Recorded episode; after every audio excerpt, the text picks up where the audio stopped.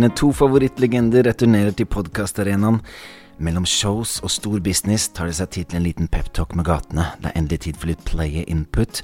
Big Oval B, aka Taco Sal Pedersen, og Roy Haritassen, tidligere kjent som Pimp Lolo. What's happening, Pimp Lolo?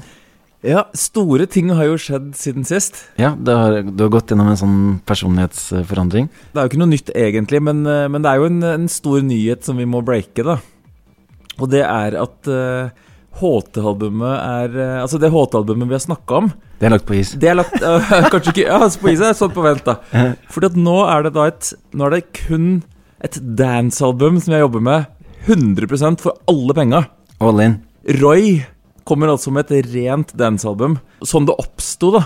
Det var jo at vi, vi har en Linda Vincent som synger på en del av låtene våre. Mm, AKA Aqualinda fra nå av? Ja, ja, fra nå av. Og så uh, var hun her i studio for å spille inn på diverse tracks til ditt uh, kommende album. Og så uh, var det, sto det også på lista et par sånne låter som var til HT, da. Som heter Kreatin og Danskebåten. Og så hadde jeg ikke hørt på de på ganske lenge. Og så dro jeg de fram for å begynne å gjøre klart innspilling, og så bare.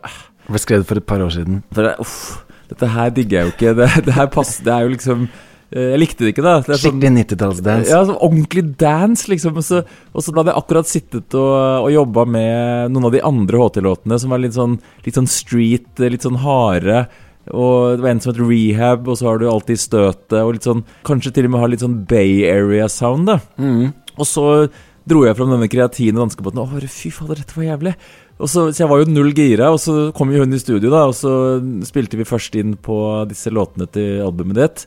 Normalt sett så prøver man jo å være litt sånn pedagogisk og sånn gire opp den som skal synge eller og spille inn, da, og prate veldig positivt og liksom få opp stemninga og sånn. Men jeg var sånn Ja, her, de her digger jeg ikke spesielt, da, så vi kan kanskje ta den jeg hater minst først. Ja, Du var ikke noen sånn motivational speaker? Nei, veldig ikke. Og så var det da liksom låt nummer to, jeg husker ikke om det var kreatin eller sånn. Ok, får ta den til slutt, da, den jeg virkelig liksom Hater. Mm. Virkelig ikke liker. Jeg liker ingen, mm. men den liker jeg minst av alle jeg ikke liker. Mm. Og så, og så, spilte vi den, og så bare sånn Det her ble jo Det ble skikkelig fett, da.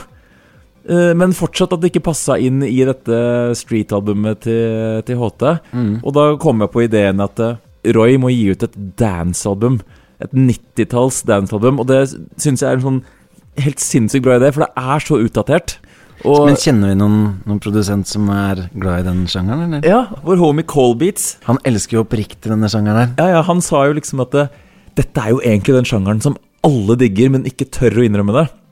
Så han er jo rå det. Og så han har da havna i samme boble og samme sånn glede som oss. Så han også driver nå og bare helt på. Sitter liksom Plutselig får jeg sånn melding fra han eh, tre om natta hvor han sitter og jobber med noen sånne dancebeats. da Så nå har vi jo spilt inn masse låter. Og, og, jeg tror liksom dette blir det raskeste albumet som er lagd noensinne. For jeg tror kanskje det tar oss to uker, og så er det et helt album, da. Ja, ja. Jeg tror vi nærmer oss allerede. Altså. Ja, det tror jeg òg. Uh, I hvert fall så drev jeg og meldte med han i, i, går.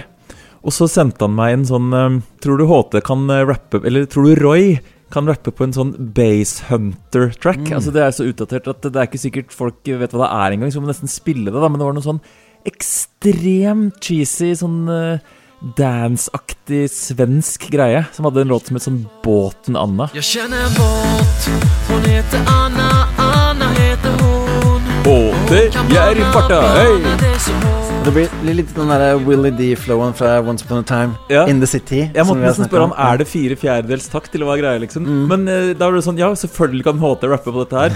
Og det er jo litt sånn der komisk med sånn derre Finne disse tidsriktige eller sånn uriktig nå, da, men sånn derre eh, Og så bare kjøre på og rappe på det, da. Vi kan jo høre hvordan eh, det blei foreløpig. Har venta siden søndag, i hvert fall siden mandag. Nå står jeg sammen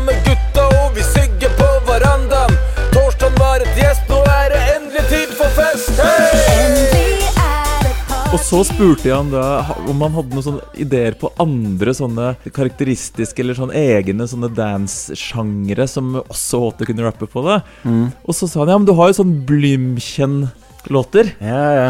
Høyt is mein tag. Ja, og så Det er kanskje ikke rappbart, spør han. Og så liksom Ja, få, høre, da. Ja, det er den der blant annet Høyt i mein tag, da. Og mm. selvfølgelig kan HT rappe på det. Så vi må nesten høre den Høyt i mein tag, da. Men kan han rappe fett? Eh, nei. nei. Men det er da 160 BPM, så det er jo egentlig 80. Og så hvis vi får Linda til å synge noe sånn her, liksom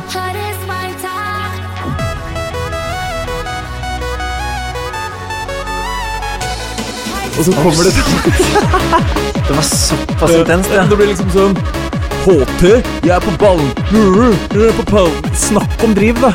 Og så er jo da synginga halvtempo, ikke sant? så synging kan bli litt sånn fin.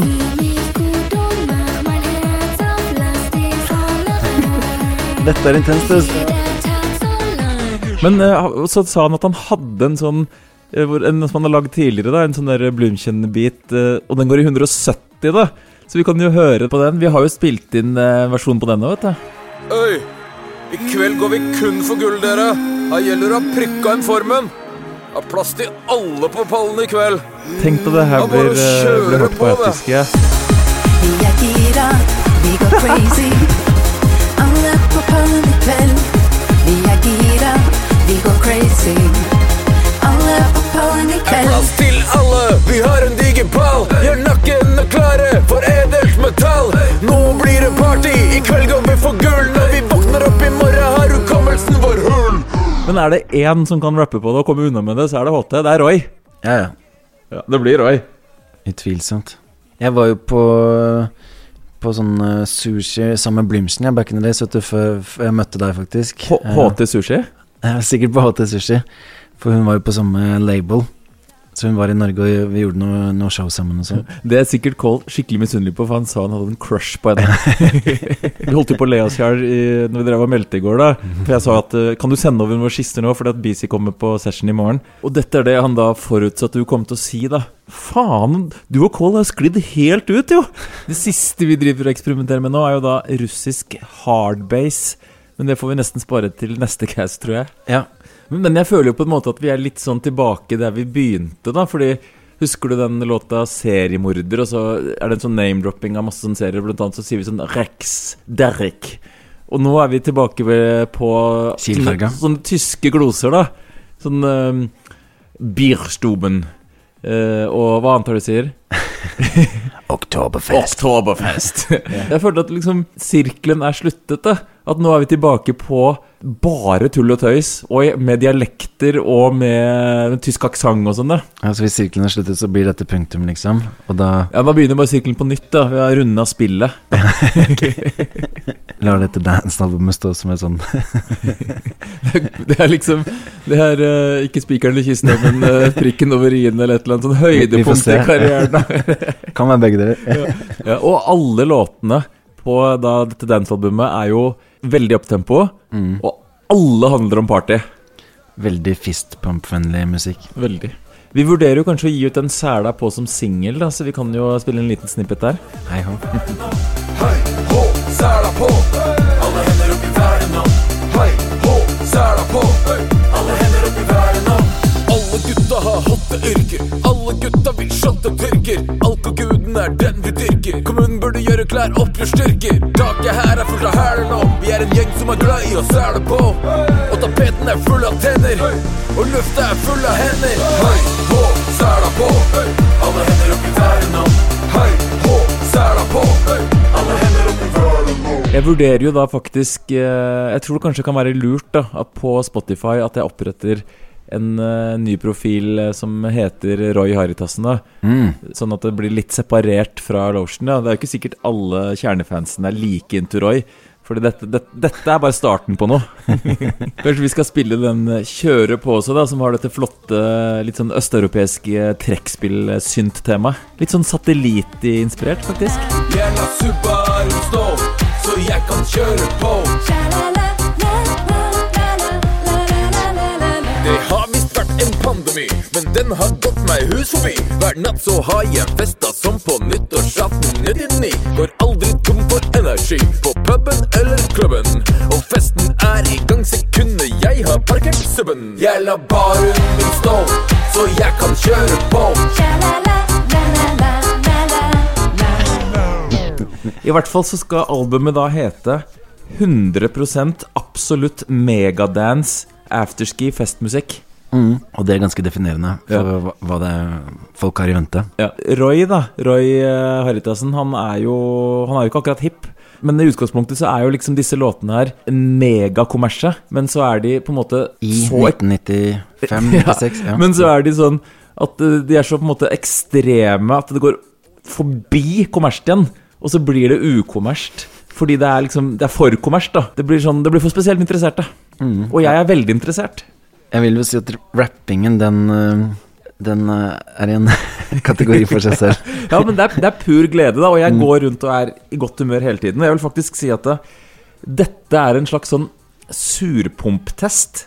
Mm. For de som ikke blir i godt humør av det konseptet her Det de. Det er sånn lakkmus Altså det er på en måte Hva heter det? Sånn eh, lokker ut eller røyker ut, smoke out. Det er sånn, sånn Det får fram hvem som egentlig er surpumper, da. Ja, vet du hva, Vi snakker litt om at det ikke var sånn typisk eh, Big Ice-musikk. Men jeg sendte et par, eh, par av låtene til han, og han, han besto testen, så han syntes det var veldig funny. Ja, Det er jo veldig funny. Og så I tillegg så har jeg tenkt da å sånn eh, på flere av låtene si hiphop. Og da får du virkelig lokka fram surpumpene. da Sånn som med Snap og en del sånne CC Music Factory og sånn. Jeg tror de var liksom sånn Drev og sa jeg disse liksom at De prøvde å fremstille seg selv som at dette var rap og hiphop. da Og det var jo ganske provoserende for de som var, eh, var into rap og hiphop, og ikke 100 absolutt eh, afterski, festmusikk, megadance, eh, sånn som Roy. Ja.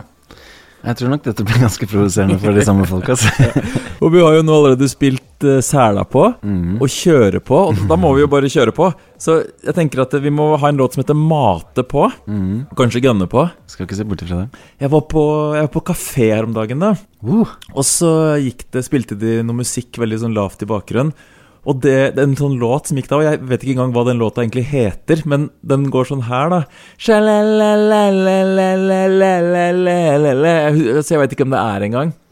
Ja, det er en Brown Eyed Girl med. Van Morrison. jeg trodde det var Bjørn Eidsvåg. Har ikke han en sånn lignende sånn sjalalala? Jo. Hvordan er denne?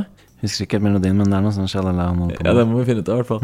Uansett, så begynte jeg å nynne litt på det, da. Og sånn, så jeg er jo i sånn HT-modus hele tiden. For jeg, jeg er i kjempegodt humør, og alt er liksom 24-7? Ja, jeg er ute og jogger, så, skriver, så plutselig kommer jeg på masse ideer mens jeg jogger. øh, Sånn HT-ideer, og liksom jeg, jeg, er, jeg er HT hele tiden. Ja, du virker nesten litt manisk. Og så liksom begynte jeg å nynne det litt sånn høyt inne på den kafeen, da. Og, og så gikk det ikke så lang tid, og så drev de som jobba der Og det var ikke sånn at de gjorde det fordi at jeg gjorde det, eller sånn bevisst for å liksom slags kommunikasjon med meg. Men så fikk de det på hjernen, og så hadde jeg gitt meg litt. Og så gikk det en liten stund, og så hører jeg plutselig at eh, hun ene, som, eh, hun ene baristaen som jobber der, så går hun litt sånn Så det er jo ekstremt eh, catchy. Smitta det med HT-viruset? ja, ja. Så uh, derfor så tenker jeg at HT må ha noe sånt på låter. Hvor Ja, det bare er sånn sjalalala, liksom sånn veldig sånn allsangvennlig uh, uten tekst. Ja. Det er veldig masse av disse 90s-greiene som er Hva er det på Coco Jamba og Ja, ja, ja og, Ja. Og så har du den derre Tarzan Boy oh, oh, oh, oh, oh. Det er veldig mange sånne låter fra den eh, æraen der. Som Tarzan Boy er fra 86 eller noe sånt. Altså. ja, ja, Nå skal ikke du være så vanskelig, men i hvert fall ha sånn allsangsynging hvor man ikke engang gidder å komme opp med en tekst. Det er bare, det er bare hoiing da, og la-la-la. Men og a-ha også drev vi mye med sånn derre Ååå Sånn, eh, Gjorde ikke det? I hvert fall Living Daylights. Ja, Living Daylights, ja. Så det er jo ekstremt catchy, da. Mm. Det er du enig i? Ja, ja.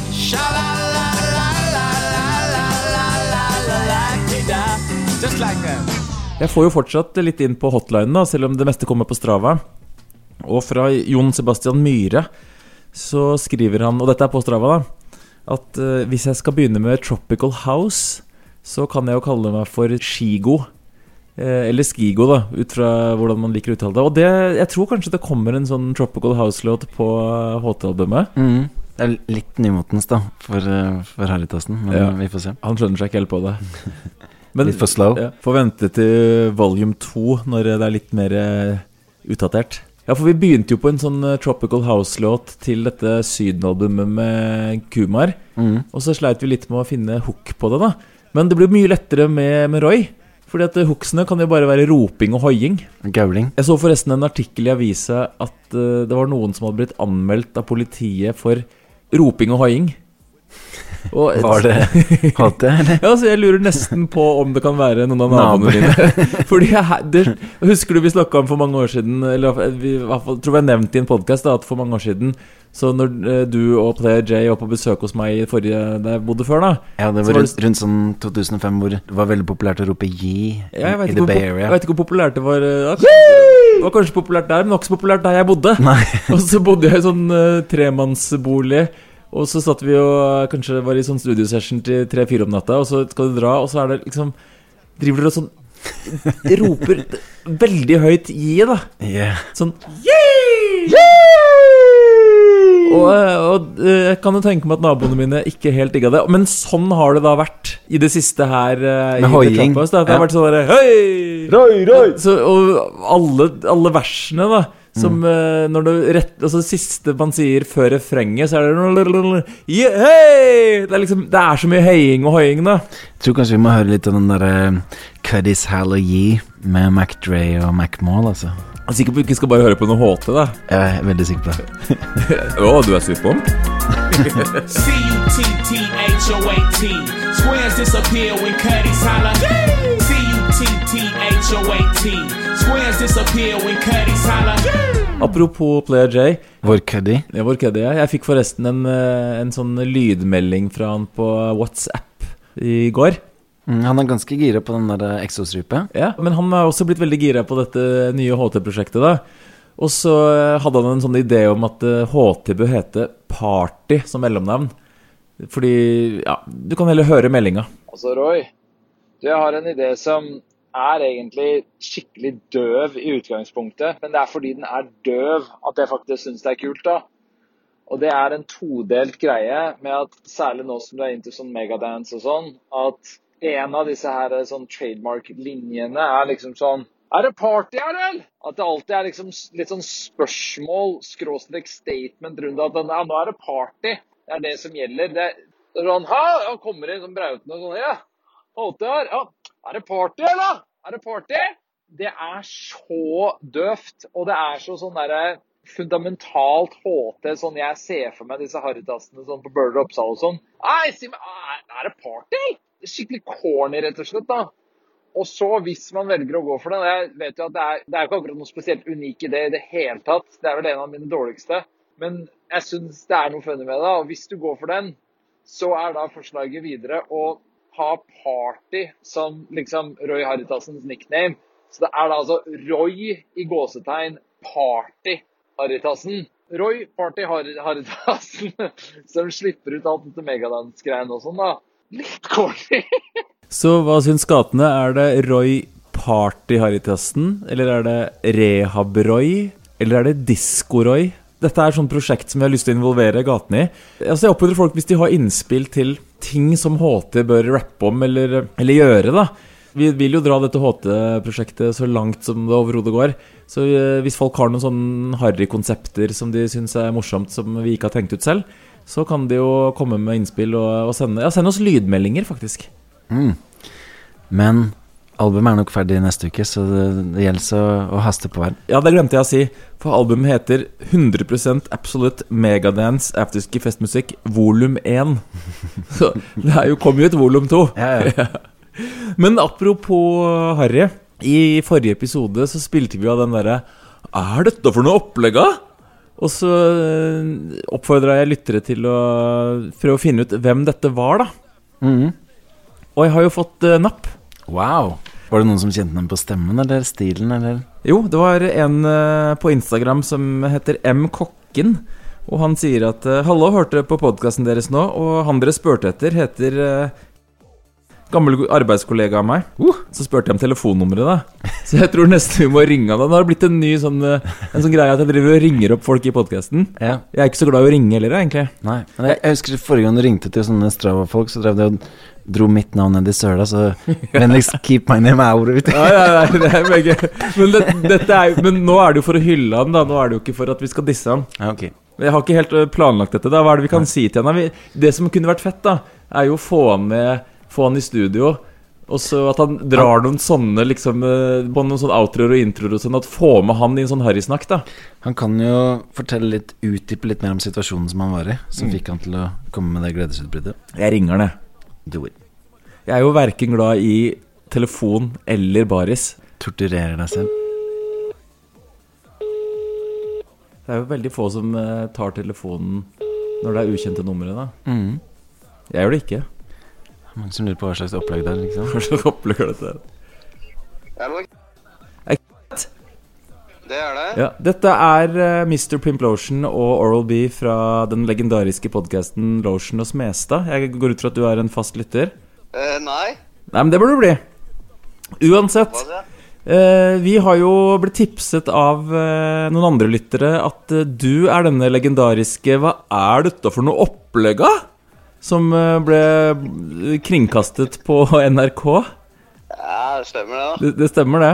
Eh, fortell eh, hvordan du opplevde den situasjonen. Nei, altså, det var Veldig kort fortalt så var det egentlig Hva skal jeg si? Vi var på ferie. Og skulle ut der da to dager.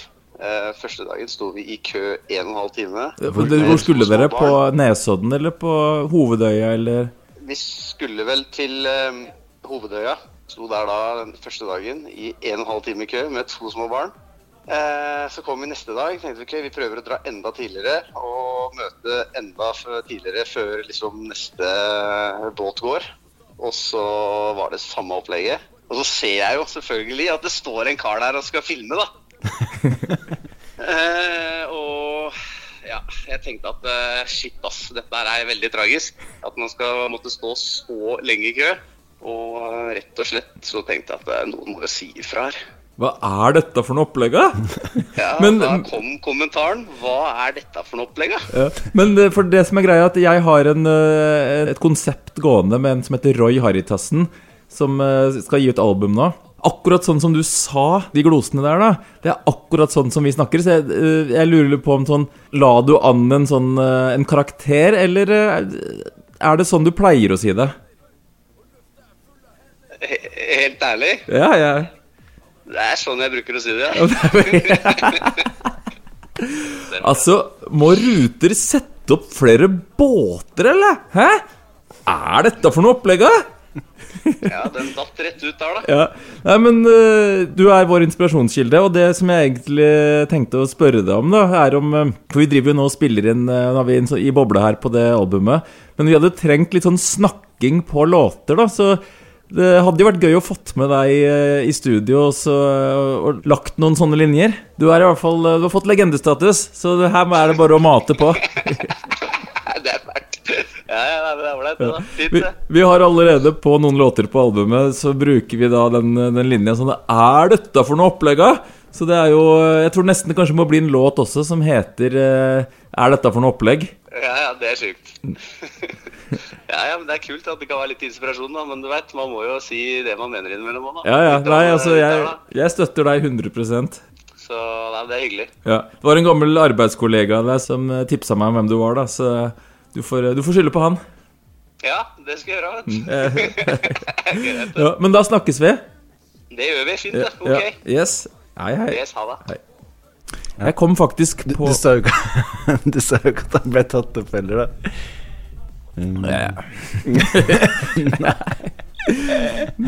Vi kan spille en sånn outro som jeg, som jeg la på på Sæla på. Altså, må DJ-en sette på låta en gang til, eller? Eh? Sånt blir opplegget. Vi har jo hatt en del sånne topplister i podkasten. Og jeg tenkte at eh, Jeg kom i hvert fall på sånn topp fem-liste over sånne veldig harry utesteder. da Og For vi har jo allerede name-droppa Tors Hammer, aka Tors. Tinos. Tror jeg name-droppa Renna, altså Rendezvous på, i Sinsenkrysset, i krysset. Det er litt komisk at alle steder som er ekstra harry, så har på en måte da har man et nickname på stedet. da At det var rendezvous, og da er det Renna. Så er det Tors Hammer, og det er Tors. Og så har du da, som jeg vet vi har name-droppa, det er jo Røde Hatt. Det er bare hatten. Valentinos er Tinos. Ja, Tinos, ja. Men jeg, når vi husker ikke hvor det var, men vi, vi hadde et eller annet show hvor jeg gikk Hvor kan det ha vært, da? Det var ja, Kanskje når vi spilte på Sentrum Scene, så gikk jeg i hvert fall forbi det som heter Dovrestua pub. Ja, Det er et sted for, der har jeg vært en gang. Det, Har du vært der? det er brunt, altså. Hva gjorde du der, da? Det var, det var en eller annen sånn derre En eller annen bidé jeg var på noe, med noe, noe plays ute hvor, hvor, Ikke alt, Playes. Hvor alle clubs var, var stappfulle. Hvor vi bare Ok, vi får sitte her for å komme i gang, liksom. Det var, Playes går ikke på Dovrestua. vi vi passa ikke helt inn. ja. Vi har jo snakka om at uh, releaseparty til uh, HT-albumet skal være på Texpub. Men det hadde jo vært ganske rått å ha det på Dovrestua pub òg, da. Ja, vi har jo også spilt på det stedet som heter Krøsset også, da. Det er Ja, ja. kanskje det mest harry navnet ever. Ja, Men det er ikke så harry sted, da. Nei, det er ikke. Nei, men det er harry navn. Ellers så har du jo Vet ikke om du har gått forbi det som ligger på Grønland, som eh, ligger rett ved T-banestasjonen, som heter Stargate. Ja, ja. Det er også ganske harry. Vi er jo en, eh, en podkast som liker å involvere lyttere, så hvis det er andre som eh, mener at den lista der ikke er helt uh, up on game, da, så kom gjerne med innspill på hva de mener er de mest harry bulene i Oslo og ja, overalt, egentlig. Noen sa vel sier Tinos. Snakker tønna, Millers og Desibel. Gamle Gibson, der blei det bråket. Apropos Harry, jeg fikk et eh, nickname fra Nico. Og det er eh, Torbjørn Harr i. Ikke verst. Jeg, jeg er jo Torbjørn Haritos. Ja, og jeg er jo Torbjørn Harry. Eh, Alice driver vel med en sånn collabs med han Torbjørn Harry, gjør han ikke det? Jo, jeg tror ikke det er så veldig harry. Nei, jeg tror det er ganske uharry. Sånn yes, du. ja, men, eh, så, du, så du tror da at uh, det er ikke noe særlig å hente på å prøve å få med Torbjørn Harr på en sånn collab på Harrytesten? Ja, han er jo skuespiller, da, så kanskje. Ja, det hadde vært funny, faktisk. Mm. At han dro på en sånn At han fikk da et alias som var Torbjørn Harry, og så har han noe sånn snakking i, uh, i en intro eller outro eller et break eller noe sånt, hvor han er sånn mega Kanskje han kan rappe òg? Ja, Hvem vet, altså. Ja. Tror, vet du hva? Det, der, det syns jeg faktisk vi skal, vi skal prøve oss på. Jeg bare si som et, et honorar, så. Først før du ringer, kanskje. Ja.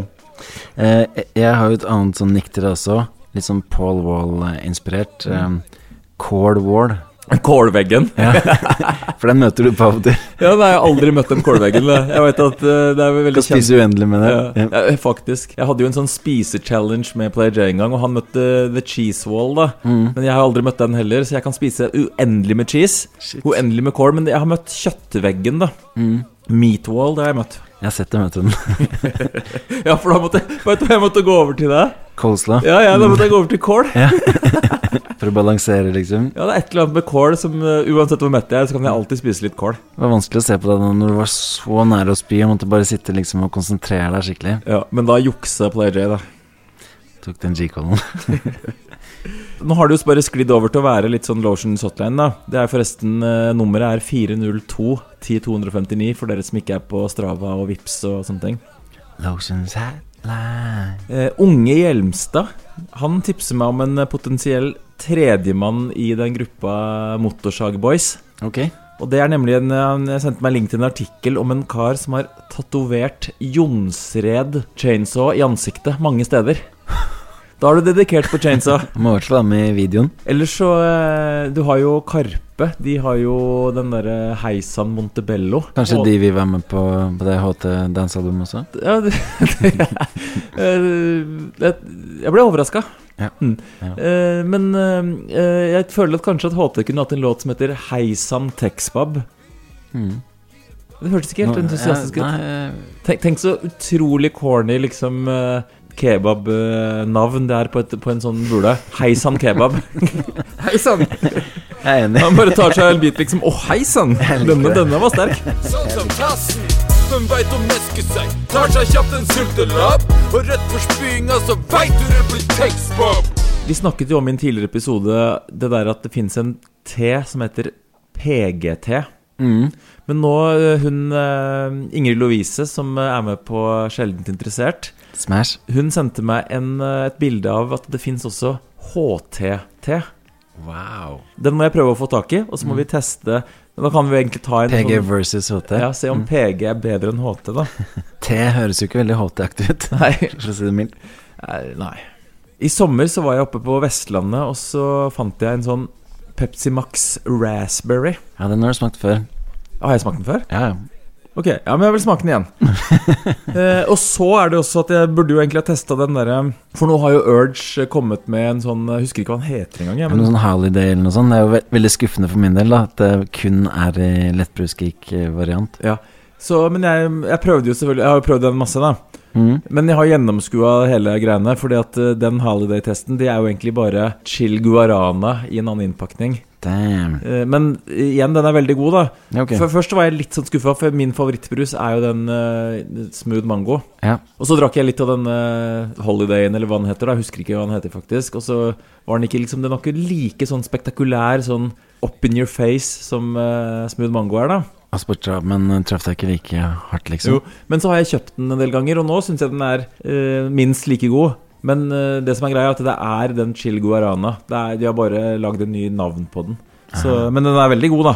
Så det er jo helt fantastisk for meg, for nå har jeg to da sånne Urge eh, sukkerfrie som jeg kan velge mellom. Ikke verst. Men jeg tenkte jeg må da må nesten teste igjen da den eh, raspberryen. I mellomtiden så kan jo Jeg har en sånn um, eh, mango ipa. Har du smakt det, eller? Det har jeg. Jeg vil du smake det igjen? Eh, helst ikke. Ja, men du tar en. jeg, tar, en for laget. Vi skal jo ha show. Ja, ja. Hvis den er godt temperert, så. Jeg gikk forresten berserk på eBay i går og bestilte brus for sånn 3000-4000. Bare såpass. Blant annet Mountain Dew Flaming Hot Cheetos-smak. Mm. Altså på brusen. Og så Mountain Dew Cake Mix. Mountain Dew USA. Cake mix, ja. Ja.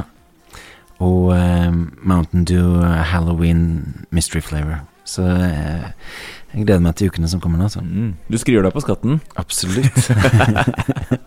og så skal for, forresten eh, Jeg og Kontur forlag skal også tilby gatene nå en brusjulekalender som du kan kjøpe. Og så eh, velger vi ut brusen, og så får du da 24 brus som er innpakket eh, i en julekalender som du kan eh, kjøpe fra oss. Mm. Du må smake på denne mango ipaen, da. Den ble faktisk eh, Mango ipa-låta ble jo spilt på P3 i går, eh, hørte jeg helt tilfeldigvis. Ja. Alkoholreklame på P3. Ja.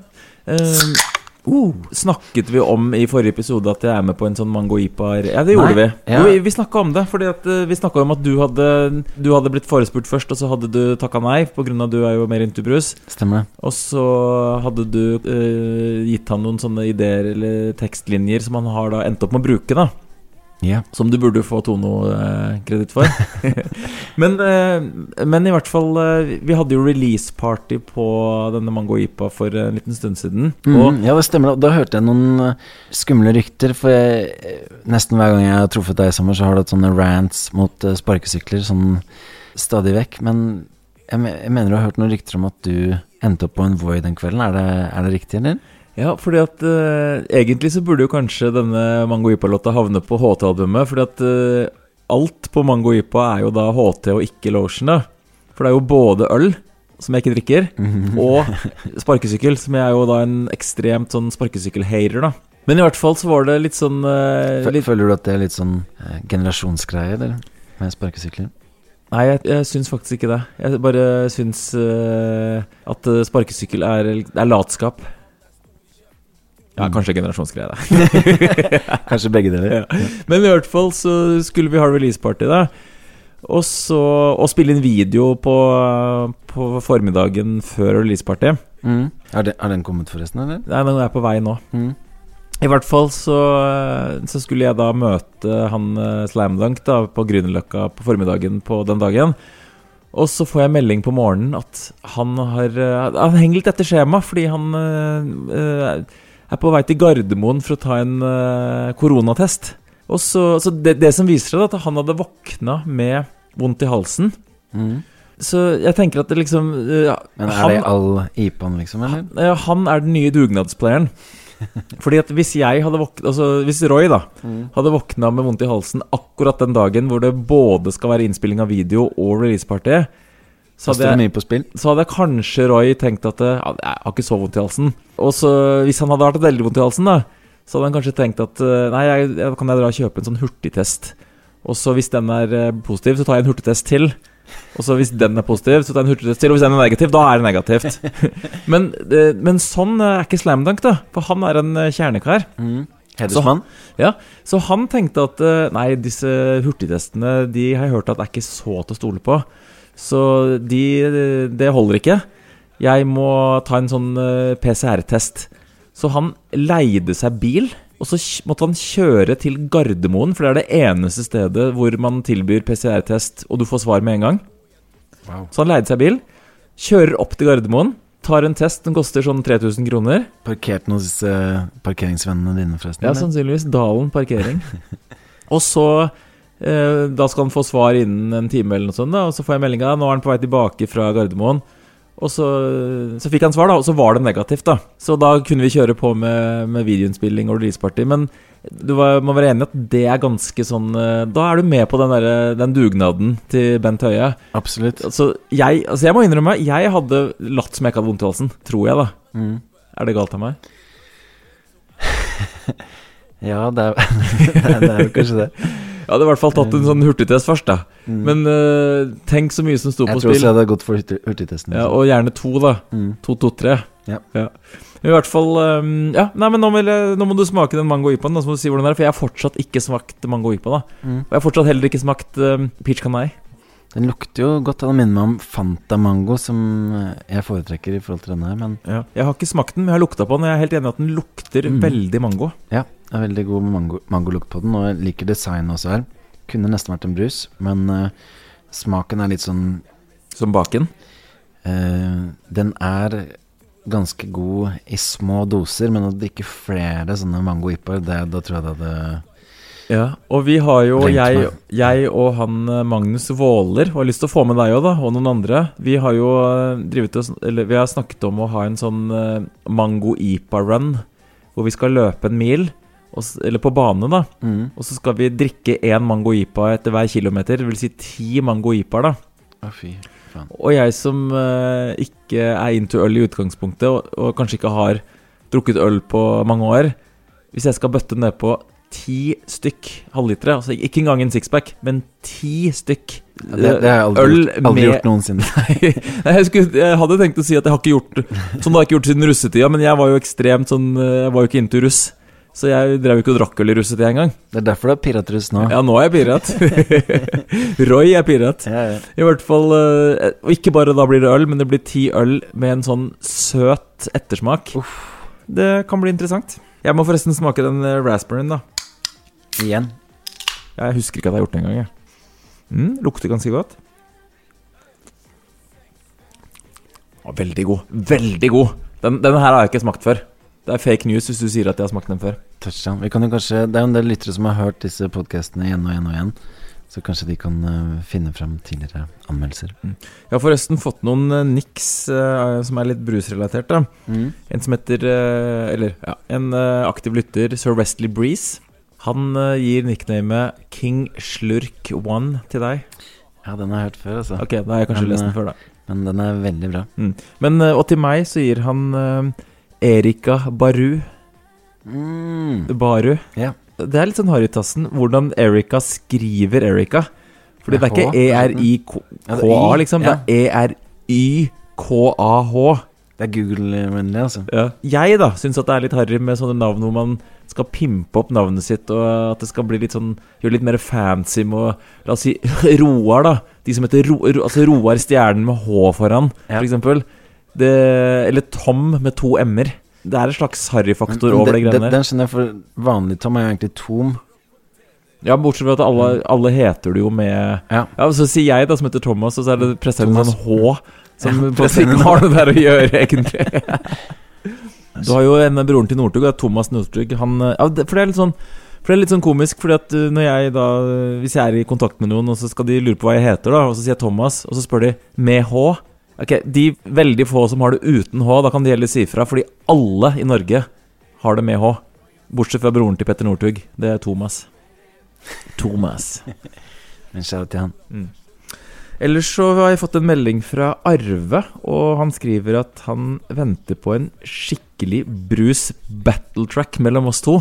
Vi lager en lettbrus eh, versus eh, sukkerbrus eh, battle-låt. Ja, vi hadde en litt sånn omvendt låt på det julebrusalbumet, hvor vi liksom la ned stridsøksen og aksepterte hverandre. Men det var jo i jula. Ja, når det er jul, så må man jo legge ned tidsøkta. Men jeg, en annen idé jeg har kommet på, da.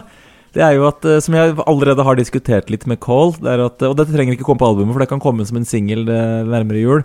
Men at HT må komme med en sånn trans jule- og nyttårslåt. En sånn skikkelig nyttårslåt, liksom, som er sånn supertrans, da. Ja. Du har troa? Det tror jeg kommer til å funke veldig bra. Ja. En som, en som funker sånn Eller en som er sånn ekstremt egna til nyttårsfest. Ja. Sånn henda i været-låt, liksom. Hyperstate.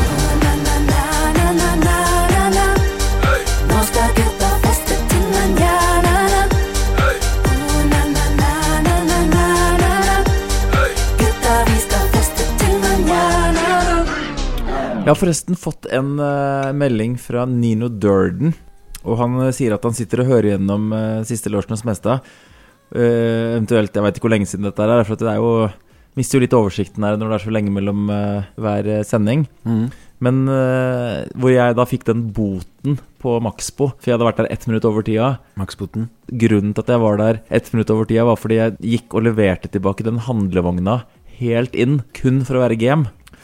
Og da har han eh, Han har nemlig sendt meg link til noe som heter The Shopping Cart Theory, og tenkte at det kunne være interessant for meg, da. Ja. Så nå skal jeg prøve å sånn simultanoversette, for dette er jo på engelsk, men eh, jeg kan jo lese det. Handlevognteorien er den ultimate litmustesten på om en person er kapabel til å kontrollere seg selv. Å levere tilbake handlevognen er en lett og enkel oppgave. Alle vet at det er det riktige og fornuftige å gjøre. Å sette trallen tilbake på plass er objektivt sett en riktig handling. Det finnes ingen unntakssituasjoner utenom akutte nødstilfeller at en person ikke bør sette den tilbake. Samtidig er det ikke ulovlig å stikke fra tralla. Derfor er handlevogn et topp eksempel på om en person er villig til å gjøre det riktige uten å bli tvunget til det. Ingen vil straffe deg for å ikke sette tilbake tralla. Det er ingen bøter, og det er heller ikke noe personlig å tjene på å gjøre det. Du gjør det kun ut ifra godhet i hjertet ditt. Du gjør det fordi det er det riktige å gjøre. Derimot, en person som ikke leverer tilbake handlevognen, er ikke noe bedre enn et dyr. En primitiv villmann som kun gjør de riktige tingene hvis de tvinges til det. Så handlevognen bestemmer om du er et godt eller dårlig medlem av samfunnet. Det, det er et godt poeng. Eh, min sønn er faktisk veldig opptatt av sånne malplasserte mm, handlevogner som står rundt i hooden, som noen tydeligvis ikke har fulgt opp. Ja, for det er primitive dyr. Ja, ikke sant? Så Ja. han, da, da vifter han faktisk med pekefingeren og sier handlevogn, ikke bra. Nei. Og, liksom og, og jeg har jo en sånn greie, for at jeg har irritert meg Det er sånn, Vi har jo den pet peeve-greia. Det er jo en ny spalte som vi har i, i podkasten her, med Lotions pet peeve. Og så snakket vi om at vi burde ha en jingle, men jeg tror kanskje at han, eh, han Kenneth-karen fra Fergebrygga han kan komme med en sånn jingle, eller vi kan lage en jingle med han. Hvor det er sånn, Hva er dette for noe opplegg, da?!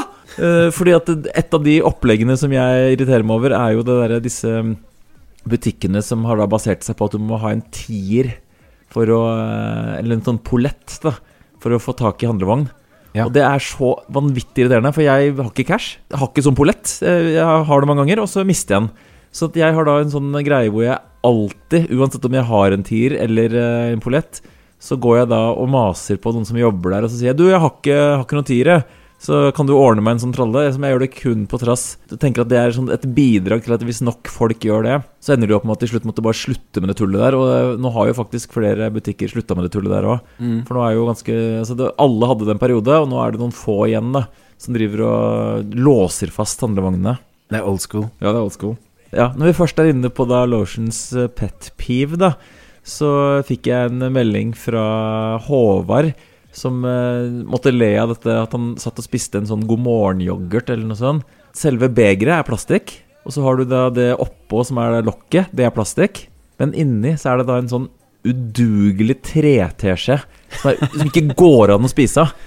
Ja. Og, og det samme gjelder jo da disse, disse sugerørene Ja, på. McDonald's og sånn. Det er sånn Går i oppløsning etter et par minutter. Alt er plastikk. Altså Det er liksom plastikk på lokket på brusen. Burgeren kommer i plastikk. Det er liksom Alt er plastikk. Så man kunne gjort noe annet. Men sugerøret, det skal bli papp som ikke går an å bruke. Det er sånn EU-opplegget, da. Som uh, Altså, det er så latterlig, liksom. Det er sånn eh, symbolpolitikk hvor det Altså, det er så mye plastikk. Altså La oss si jeg kjøper en kjøttdeig, så klarer de å putte en sånn, sånn plastikkremse under kjøttdeigen som driver og havner oppi strekepanna med et uhell hele tiden. Da. Altså, det er, det er sånn ekstremt overdreven bruk av plastikk, og det er liksom Det er ingen som tar tak i. Det er sugerørene og den skjeen. De to eneste tilfellene hvor faktisk plast har en funksjon. Det skal man fjerne, og så beholder man alt annet av sånn drittplastikk som er helt bare Man pakker inn liksom en og en avokado i plastikk, eller liksom bare sånn Det er så mye plastikk som er unødvendig. Men sugerør og skje, der er jo plastikk helt fantastisk oppfinnelse. oppfinnelse. Ja, eh, kidsa mine drakk noen sånne Capri Sun-greier hvor det er sånn type poser du må stikke hull Mm. til sugerør, vet du. Og der har de også begynt med eh, papirsugerør, da, Mm. som ikke klarer å stikke hull. Mm. Det er eh, genialt. Ja, det er helt latterlig. Det er, det er sånn EU EU-regler, da. Det er så lett å bytte ut veldig mye plastikk ved bare å kutte det ut. Og så velger man da en sånn helt sånn ubetydelig et par ting som ikke vil monne i det hele tatt, men som er ekstremt irriterende. Det er det man velger, da. Mm. Ja, Lotions Petbiv. Hva er dette for noe opplegg, da? en som kaller seg Moosekilla, han har et uh, innspill til deg, BC. Han sier at uh, når du er nødt til å se på Daniel Tiger neste, på barne-TV, så har de en sofapute der som ser ut som en klokke. Og den står alltid på Hvilket klokkeslett tror du det er? 1450. Har du sett det, eller? Nei, men jeg tror du har tatt den før. Ja, ja, men ja, Vi tar det en gang til, da. Det er nye EU-regler, så jeg må resirkulere Lotions hotline-meldinger. og så er det Buck Bingo. Han uh, sier at uh, Jeg ser ikke på barne-TV. Er det han eller du som sier at de- dere ikke ser på barne-TV? Nei, Nei, jeg ser ikke på barne-TV. Mm. At det er uh, noe som heter Bjørnen Beezy. B-e-e-z-y. Wow. Så jeg fikk en screenshot, så jeg kan vise deg det etterpå. Så øh, du er øh, godt representert på, øh, på barne-TV. Ikke verst. Vi drev og jobba en stund med en sånn uh, internett-tegneserie som han Dex uh, drev med, som het uh, Bergby. Men Det var, det var ikke barnevennlig. Nei. Glinseguden han eh, sender meg melding på hotlinen. Gjennom årenes løp så har dere vist at dere er nesten utømmelig på å finne rimeord på oral. Men hvis dere skulle gå tom, så ber han oss sjekke ut den russiske hagla Star Baikal. Den er da tung som bly og umulig å ødelegge. Holder ut og leverer år etter år, akkurat som dere. Så Den, den får jeg notere meg. Star Baikal Baikal. oral. oral. Ja. Mm. Skal ikke se bort ifra at den dukker opp. Altså. Ja. Jeg har også fått et nickname fra Rafael Perez, som det er da apropos motorsag, da. Mm. Stil van Eijk. Med altså S-T-I-H-L. Fortjener en liten sånn neselatter, den. Ja, og så har han et eh, nickname eh, til deg. Mm -hmm. Bruskvarne. Uh, han er en fire i dag, altså. Og så til slenger han på et til meg, da. Det er Two Chainsaw. Uh, jeg likte den. Ja. Mm. Tre på rad. Eh, jeg fikk forresten forespørsel i dag om å være sånn æresdommer i et sånt Jon Almås-spørreprogram, hvor uh, temaet skal være brus. da, Så jeg skal stille deltakerne spørsmål om brus og liksom være dommeren. Mm. Du var jo også eh, med på eh, Kåss til kvelds nå, som eh, blir sendt eh, Sikkert sendt innen denne episoden her kommer ut. Garantert. Fordi den eh, blir sendt i morgen. Mm. Ja, det var eh, litt av en opplevelse. Så det var jo eh, Markus Neby som hadde ghostwritet noen eh, rim, åtte bars, om eh, Dan Børge. Så- Han har vi snakka litt om i poden. Ja, ja, det er en legende. Jeg har faktisk tenkt litt på at vi burde se litt på sånne i NRK-arkivet på gamle episoder av fredagen og lørdagen. Mm. Om vi plukker opp noe HT-skitt der. Fredagen. Mm. Men eh, ja, for du er jo i eh, på den ene Du har fått et sånt alias i, som du er med på en HT-låt, og da Mm. heter du Taco Sal Pedersen. Taco Sal og det er jo litt ja. sånn taco- Taco-Fredda, da. Mm, Så jeg, øh, i låta der så har jeg vurdert å legge på noe sånn derre For du, det siste du sier, er at du skal stikke på luggeren og ha det noe gøy. Mm. Og da føler jeg at man kan snakke om Ja, for faen, nå er det tacofredag. Her nede på luggeren. så det blir det. Det er sånn sjekkelinje hans. Eh, bli, med, bli med på tacofredag. Tacofredag hver dag nede på luggeren her.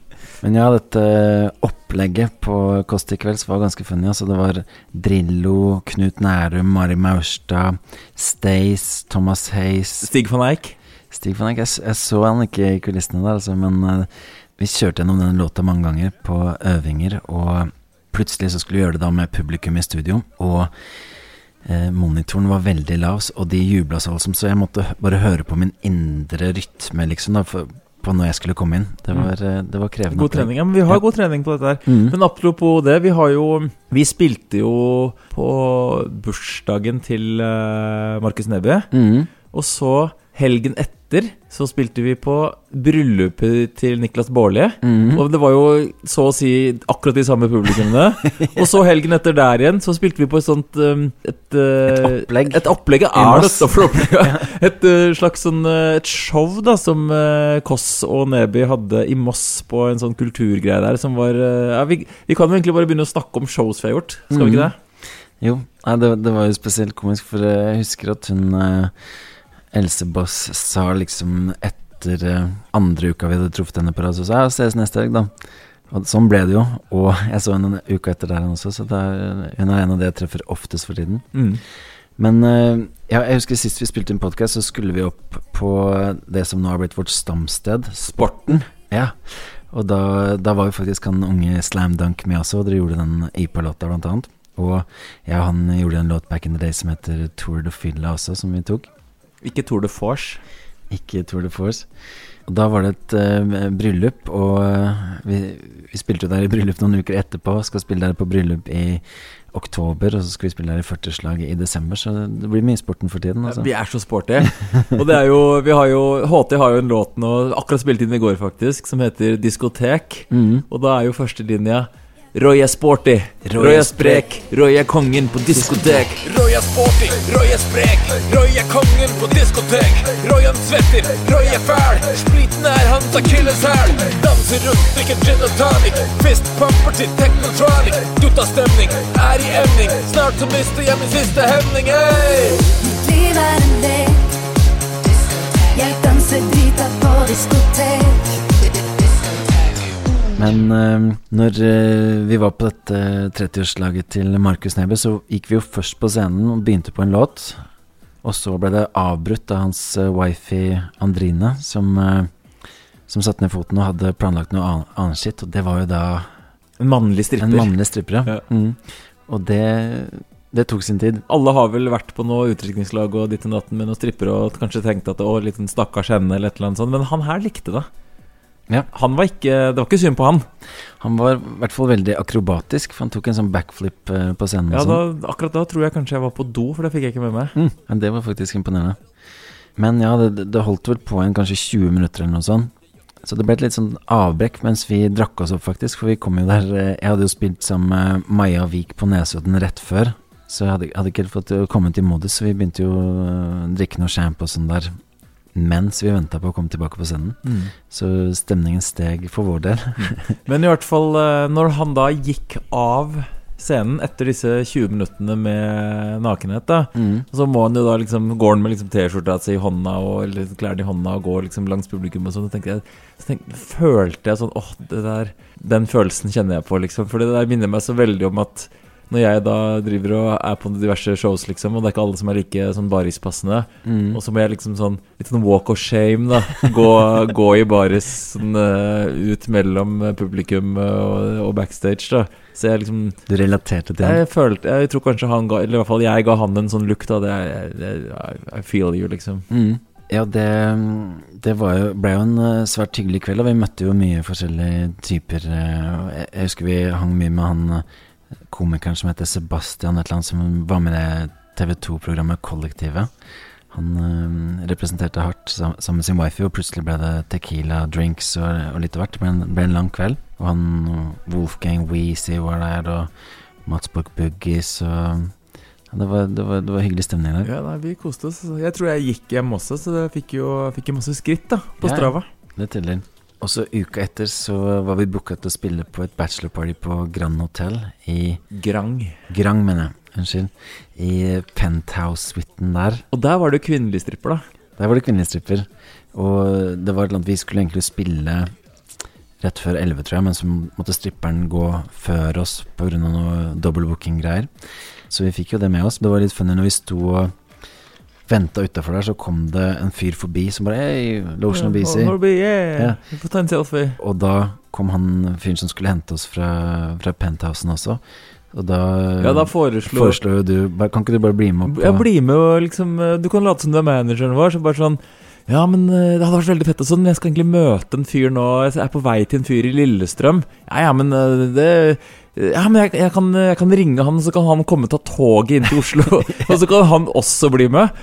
Og så tenkte jeg det jo aldri funke, for vi skal jo bare rett opp nå og ha det showet. Men så blei ting veldig sånn forsinka, da. Sånn at det, han, han fyren i Lillestrøm rakk jo til og med Stripperen. Ja.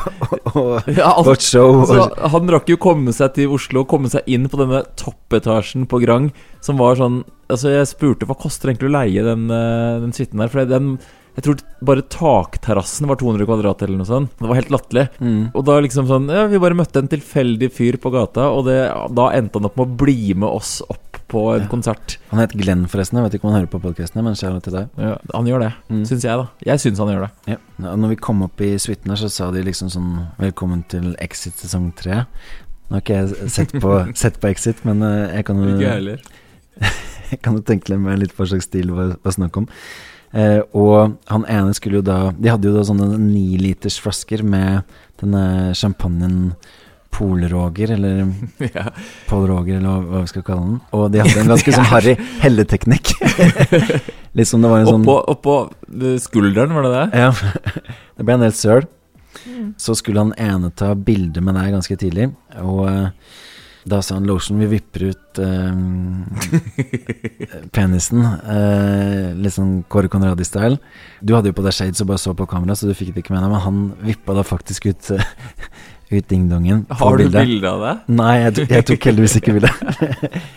men eh, ja, det, det var ganske slappe greier. jeg følte at det var litt sånn Exit-aktig hele settingen der oppe, da. Ja, og så var det jo sånn at i utgangspunktet så fikk vi beskjed om at vi måtte være ferdig på scenen innen 11, for de hadde lovt Grand Hotel at da skulle det ikke være noe Scenen, bråk. trappa, mener du? Ja, i trappa, rundt, rundt 11, på den takterrassen. Men eh, stripperen begynte vel kvart over 11 etter hva jeg husker, og vi begynte kanskje sånn kvart på 12 eller noe sånt. Og da var det full blast på musikken. Og eh, disse Grand-folka kom jo løpende inn etter et par minutter av, av showet vårt, og plutselig ble det veldig lav lyd. Og da spurte vel du hva, hva slags opplegg hva slags er dette her? det her, da. Ja. Men, men det som var faktisk greia, da, som må sies, var at når vi var nede Sto nede på gatenivå og skulle inn på Grang sammen med Glenn, da. Eller mm. Glenn, da, som faren min sier. Og det har jeg sagt til pappa. Jeg syns ikke at du skal høre på den podkasten her.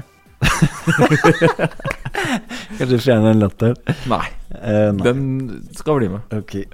Men eh, tilbake til Grang, for når vi da står utafor og blir eh, henta av en av de som arrangerer, da, så sier han sånn Det er veldig viktig at dere ikke sier i resepsjonen at dere skal på noe utrykningslag eller konsert eller noe sånt, for det var jo da åpenbart på ingen måte klarert fra Grang, da. Ja. Eller kanskje de til og med hadde prøvd seg med å nevne det, men det ble uglesett veldig, da. Sånn at eh, der skulle det ikke være noe konsert, i hvert fall. Nei, nei. Men det blei det jo, og det merka jo Grang ganske raskt. Og da kom da med noen vakter som skrudde ned lyden til veldig lavt. Det ble ikke så godt tatt imot av disse gutta som var på bachelorparty, så de bærte han fyren fra gang og satte han oppå en høyttaler hvor vi sto og opptrådde, og da da, da ble plutselig lyden høyere når han forsvant, og så, og så ble det vel kalt inn på teppet i etterkant, tenker Ja, følte du at de ga sånn eh, mye respekt til han, eh, han vekteren der, eller? Det var jo en sånn liten bøtteknott på sånn, sånn som han var 1,70 høy eller 65 høy eller noe sånt. Så de kanskje ikke hadde så mye selvtillit i utgangspunktet. Så når de da bare tar tak rundt den, og så løfter den opp som en sånn, der, sånn dvergløfting, liksom. eh, Jeg følte at det var ganske disrespect.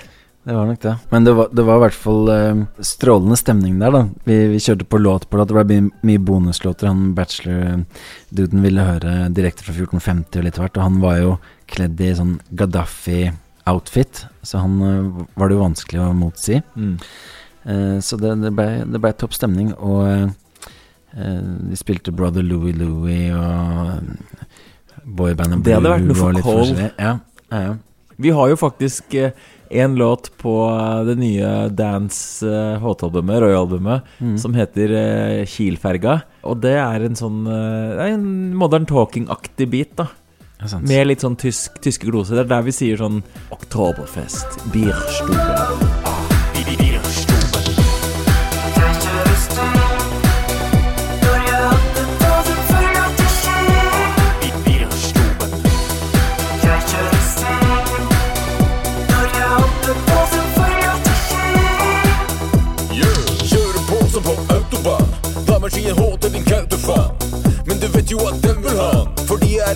Som kjører kar. Jeg er han som sjarmerer flest. Typen til å garantere fest. Er tom for penger, jeg har keine spenn. Men damene de spanderer Heineken. Men så var det sånn at uh, neste dag var det jo da bryllupet til um, Nick Baarli og Benjamin.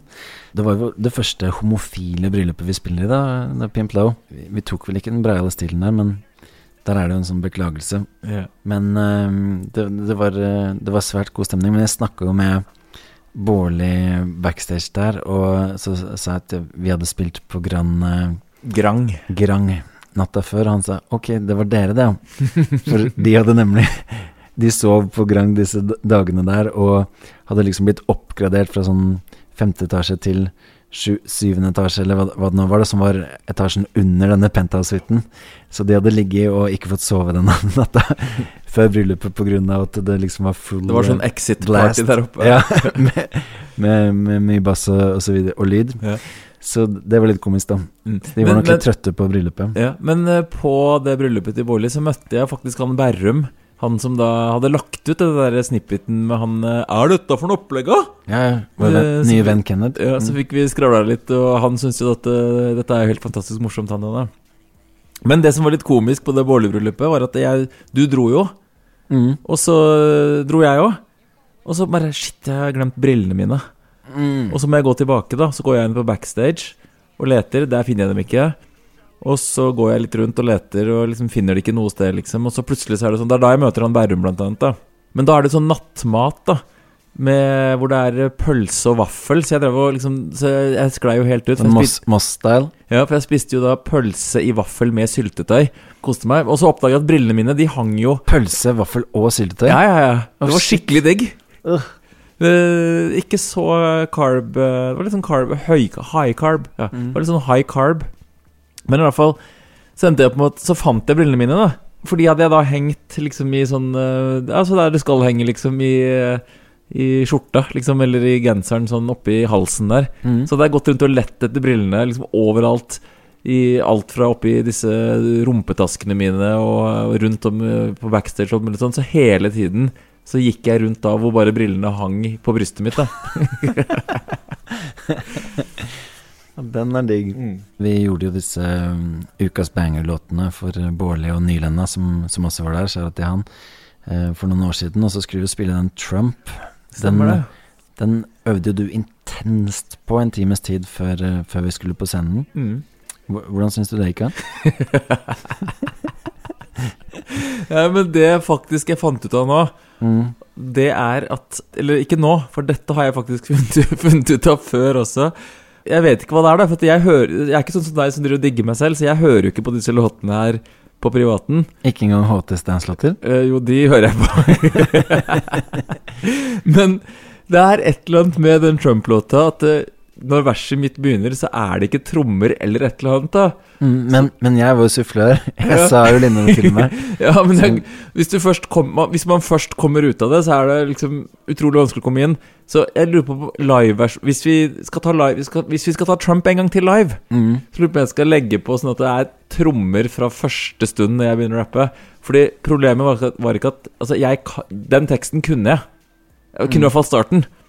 Men jeg hører ikke når jeg skal begynne.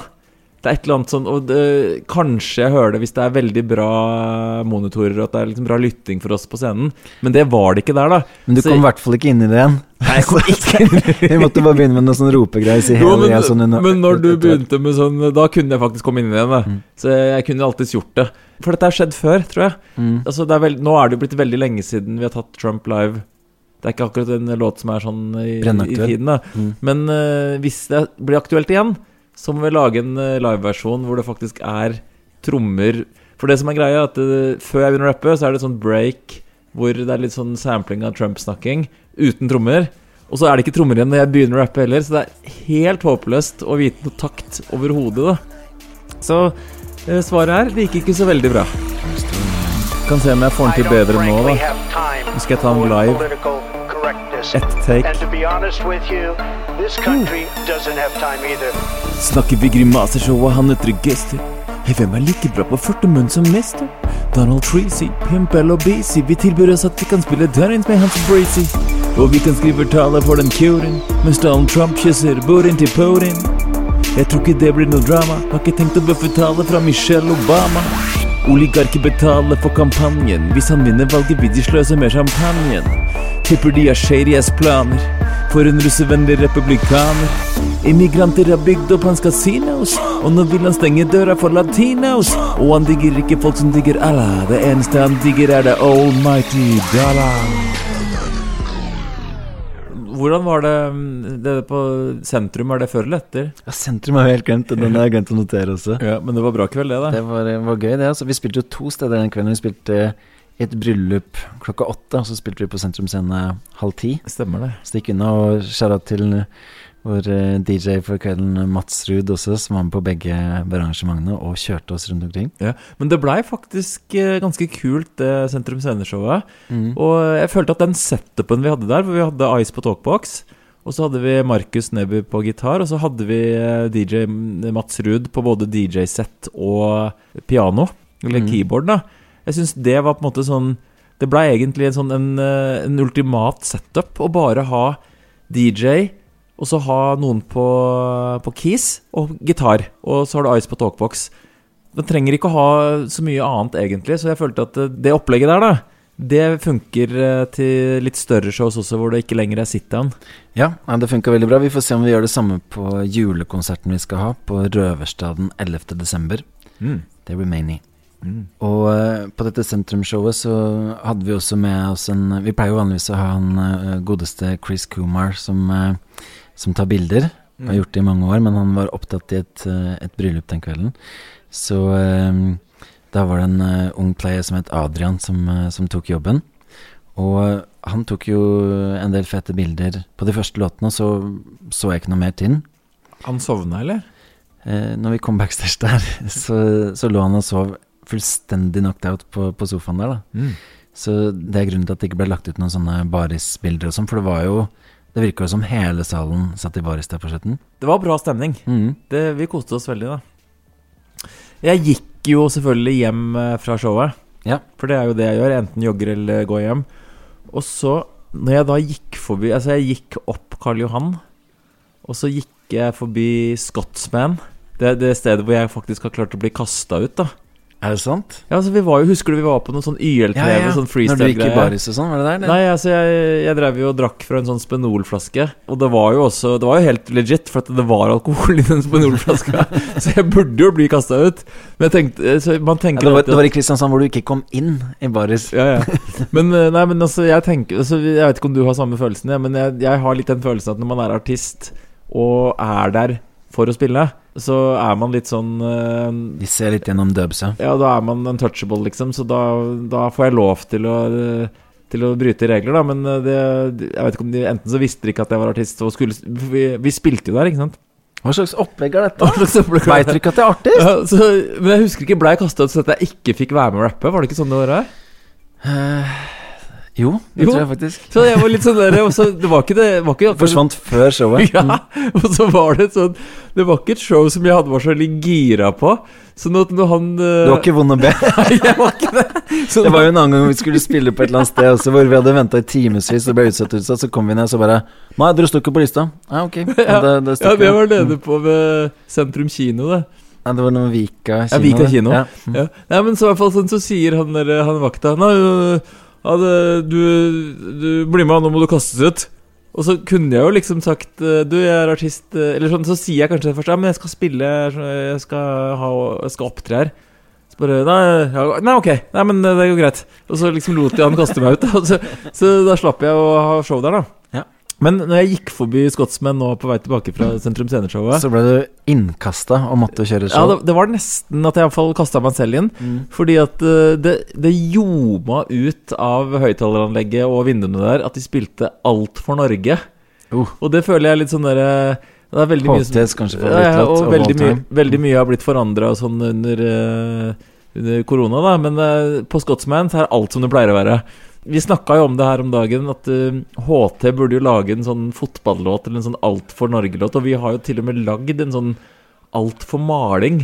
Ja. Vi hadde, vi hadde noen sånne corporate oppdrag for et sånt firma som het JS Kokk. Mm. Vi lagde vel to eller tre låter, tror du ikke det? Jo, jo.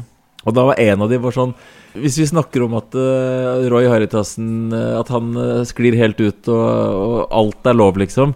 Her er det snakk om at vi, vi lagde en låt hvor du Jeg det, det sang litt den stilen der. Men... kun synging. Det er, det er ikke alt. alt for maling.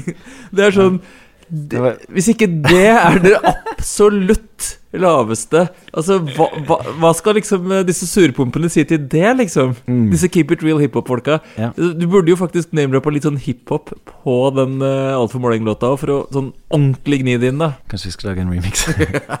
Men HT burde lage en Alt for Norge-remix, da. mm. Uh, hvis vi kommer til VM i fotball, så må faktisk HT trå til og lage en eh, veldig veldig harry sånn fotballåt. En sånn generisk fotballåt som liksom er for alle lag. Det er ikke noe sånn, det er ikke Stabæk eller Vålerenga eller noe. Det er bare det er kun fotball. Liksom fotball. Kom igjen nå, gutta!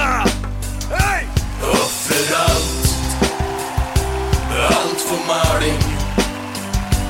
Ta betalt.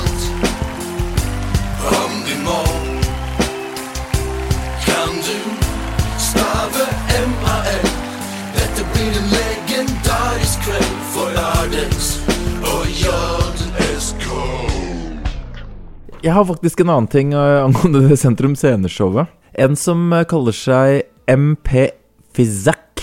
Han eh, sender meg en melding. Mm.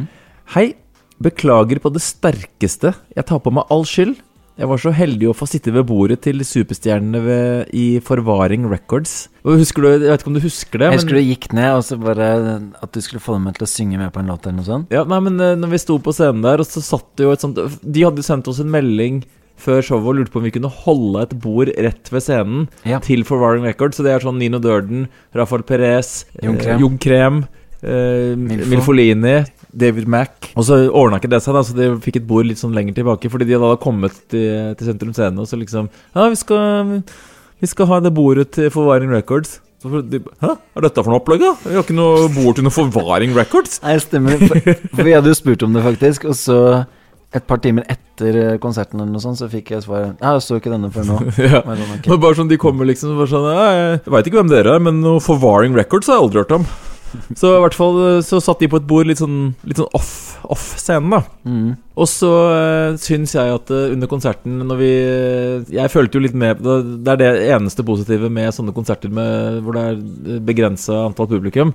Så kan jeg følge litt med på. Da ser jeg litt Jeg kan, jeg kan se litt hvem jeg kjenner og sånn, jeg.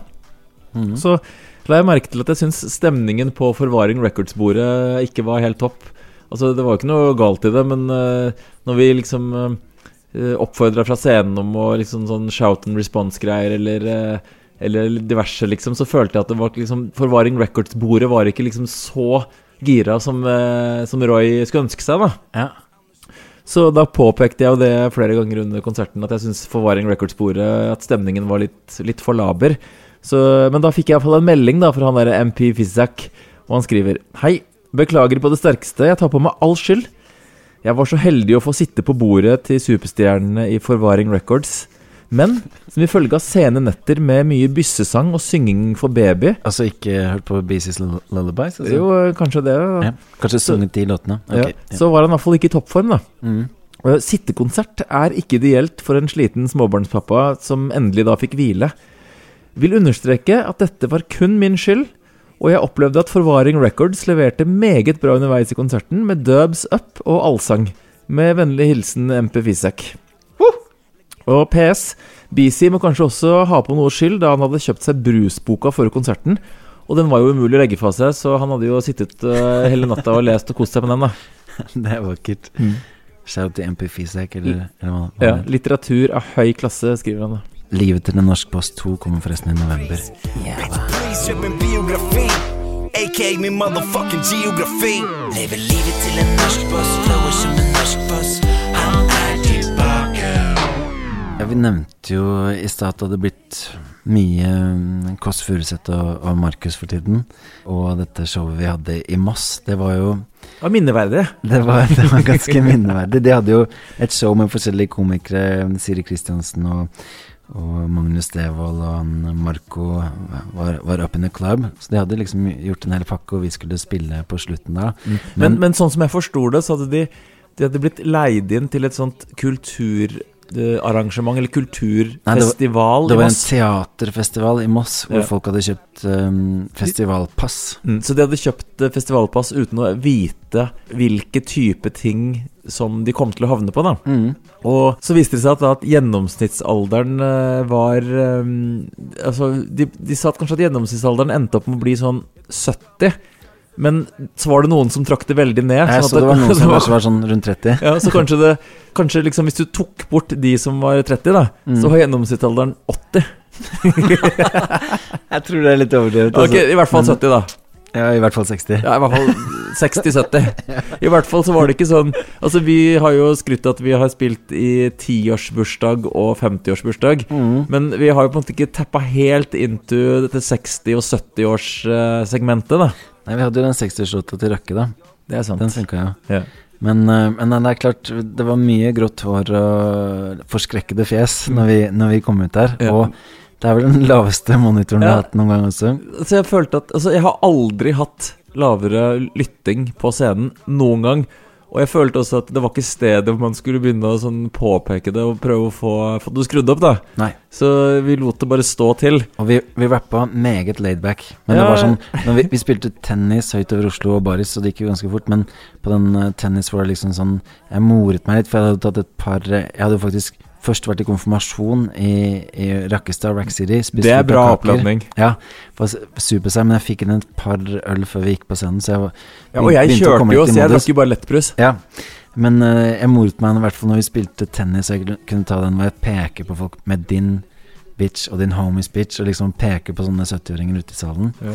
Ganske funny. Og eh, Else Kåss hun stoppa jo hele konserten før baris og fikk folk til å stå i sympati med deg, som skulle da drite deg ut i, i baris på scenen Ja, i, i, denne jo- settingen. Vi hadde jo snakka litt backstage om eh, dette med dette, den stripperen på bursdagen til Markus Neby og sånn, og at Ja. jeg syntes det var litt sånn ukomfortabelt uh, i visse settinger, for jeg er ikke så glad i egentlig å være i baris og sånn. Dette var et godt Ja, eksempel. og så, liksom, så stopper hun konserten og sier ja, du, ja, nå skal Pimplotion ta seg til baris, og han syns det er veldig ukomfortabelt. Så nå syns jeg alle skal reise seg opp og liksom og støtte med han litt og, og, og og klappe. Og, og eh, det er sånn, altså, jeg, er ikke, jeg er ikke så into sympati, på en måte. Så, Men det, det var en annen ting, for det, det pleier ikke å skje på våre eh, konserter. At det er sånn klapping sånn urytmisk med på eh, Gjennom hele baris omtrent. Så, så det, det ble jo på, på en måte living on a high note, men at det Ja. var De klappa sånn halvveis i rytmen til, til baris hele veien. Det minner meg om sånn jeg har sett på sånn derre Nobelkonserten og sånn. ja. Og så står disse old school-folka så liksom, som aldri har hørt uh, noe musikk med rytmen da. Og så Ja. står de liksom sånn og skal klappe litt, og så, liksom, så treffer de ikke engang rytmen. Liksom, det er så off, Eh, og, Det er, det er vel Mette-Marit som pleier å lede an det, den klappinga der. og så var det jo så lav lyd på scenen at vi hørte jo klappinga høyere enn musikken. Så kanskje vi rappa til, til feil beat. Ja. Så i hvert fall så, så sto jeg der i baris da, og øh, helt edru foran disse 60-70-åringene, og øh, ja, det var, det var minneverdig. Mm. Ja, det var eh, et absurd opplegg. Og det, det, det som var greia òg, var at eh, de tror jo at jeg Og det stemmer jo, men de tror jo da at jeg koste meg skikkelig. Fordi at jeg smilte jo fra øre til øre fordi jeg syns hele settingen var så absurd komisk. At jeg faktisk jeg blei i godt humør av det. Ja. Men jeg spilte på det, det der opplegget på, på Er dette for noe opplegg, da? med, med Maja Vik. Det var på en måte en sånn oppvarming før Morten Det var opplegg. Abel. Ja, Det var opplegg før Morten Abel. da tipper jeg det var sånn 55 var, var snittalderen der, altså. Litt, Jeg hadde sånn- litt faktisk sånn med, med mamma, som da er eh, 69, og datteren min som er 7, så mm, ja. Dro, dro det ned. Men, eh, Ja. men Så det var, føltes litt ungt da, i forhold til det vi kom til eh, senere på Ja, det kvelden. gjorde det. Men skjæra til 1450. Mm. Det derre Thomas Kvaler-showet, vi snakka om det? Mm. Men nå fikk jeg i hvert fall en liten oppdatering derifra, da. Mm. For jeg fikk en, eh, en screenshot fra han. Fordi han skrev at eh, han nå hadde hørt på den episoden. Ja, stemmer det, da, selvfølgelig. Han har hørt den episoden. Nå har jeg holdt i overtenning. Ja. Og da, det vi snakka om der, var jo at vi er vant til å få sånn Freiksnett, Fresné, Ja, uh, backstage. og det, det, det er strictly motbydelig. Ja, men der fikk vi jo ekte champagne. Mm. Det, Så- det var faktisk en forskjell. Men så fikk jeg melding fra han da at uh, den flaska som vi da fikk servert, det var den eneste flaska i samlingen hans hvor han egentlig hadde satt på en sånn lapp 'Må ikke røres'. og det var en sånn 2008 Pierre Peters Cuvée Spesiale Les Chatelions Blad de Blanc Cru Cut Brut, som koster mange, mange tusen. da Oh shit. Men han sa det var verdt det, da. Ja, det var verdt det det var veldig vi- verdt det. Vi kom veldig i stemning av det. Ja, så det er jo det, kanskje den desidert dyreste champagnen vi har drukket noen gang, liksom. Og den satt vi der og bare bælma nedpå. Jeg kanskje blanda den litt med en sånn Urge Smooth Mango og sånn. Mm. Vi fikk jo disse vintage Stampesene av, av Røkke for Ja, et par år siden. her, eh, han sendte meg screenshot, og den Mm. her var dyrere, for å si det sånn. Ok, ok. Men den smakte dyrt. Den smakte Urge Smooth Mango. Nei, vi får, får beklage, det var jo ikke vi som pola ut den, eh, den champagnen der, men Eh, det var jo der vi også da møtte på han som hadde denne masturbasjonsmaskinen, som vi nå har teasa med i to episoder at vi skal uh, intervjue, da. Og han har, som dere sikkert forstår, en busy schedule, så han, han er ikke lett å få, få i hus. Ja, Men, Det kan jo eh, hende at hvis man får seg en sånn maskin, så blir det ikke mye fritid. Og da, da har man mye å gjøre, for å si det sånn. Mye å henge fingrene i, mye å ta tak i. Ja, men vi håper jo at den kan kommer hit og om ikke demonstrere, men i hvert fall vise fram maskinen. da Ja, Vi får satse på at i neste episode mm. så kommer han og forteller oss om denne, denne fantastiske Space Age-oppfinnelsen. Han uh, skrøt også at han skulle hooke opp uh, Lotion og Smestad-lytterne med noen discounts og sånn. Mm. Nei, men da, i neste episode så kommer sexologene tilbake, og vi har med en eh, fantastisk ny oppfinnelse, hvor da oppfinneren kommer og skal fortelle oss om eh, hvordan eh, dette flotte Jeg finner på et eller annet. Denne flott. Eh, ja. eh, Runkemaskinen. Ja, runkemaskinen. Jeg tenkte jeg skulle finne et litt sånn fancy ord, men ja, det er runkemaskin. Mm. Men skal vi avslutte med en eller annen HT-låt, eller? Jeg tror ikke det. Nå har det blitt, det? blitt mye HT, så jeg Er dette for noe opplegg, da? tenkte vi kan uh, Vi slipper en ny singel nå på uh, fredag. Ja, ja. Breiale Stilen 5. Den spiller vi. Stilen part 5 Yeah, yeah. Hvem er Norges største boss? Vi er dem Breiale stilen part 5 Hvem er Norges største boss? Vi er dem